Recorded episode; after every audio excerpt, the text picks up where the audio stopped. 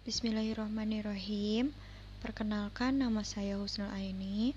Saya dari kelas MPS 18B. Di sini saya akan menjawab pertanyaan dari soal FTKK yaitu pembiayaan KPR syariah dengan akad murabahah dan menjelaskan secara detail berdasarkan fatwa ketentuan OJK dan praktek perbankannya. Adapun ke ketentuan pembiayaan murabahah dalam praktik perbankan syariah di Indonesia dijelaskan dalam fatwa DSN MUI nomor 4 tahun 2000 tentang murabahah. Dijelaskan bahwa yang dimaksud dengan murabahah adalah menjual suatu barang kepada nasabah atau pembeli dengan memberitahukan harga beli awal ditambah keuntungannya. Dalam kaitan ini, bank harus memberitahukan secara jujur harga pokok barang kepada pembeli awal kepada nasabah atau pembeli.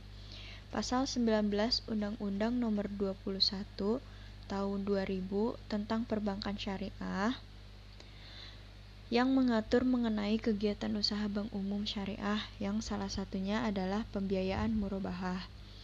Menurut Hardojo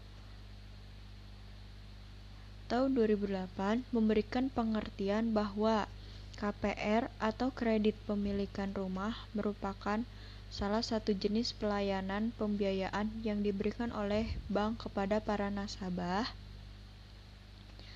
yang menginginkan pinjaman khusus untuk memenuhi kebutuhan dalam pembangunan rumah atau renovasi rumah. Bank merupakan badan usaha yang menghimpun dana dari masyarakat dalam bentuk simpanan dan menyalurkan kepada masyarakat dalam bentuk kredit atau bentuk lainnya dalam rangka meningkatkan taraf hidup rakyat banyak.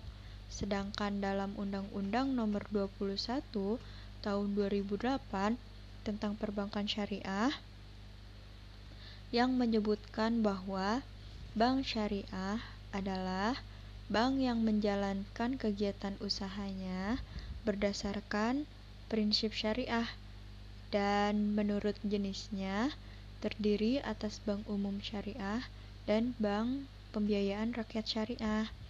Mungkin sekian dari dari saya. Kurang lebihnya mohon maaf. Terima kasih. Wassalamualaikum warahmatullahi wabarakatuh.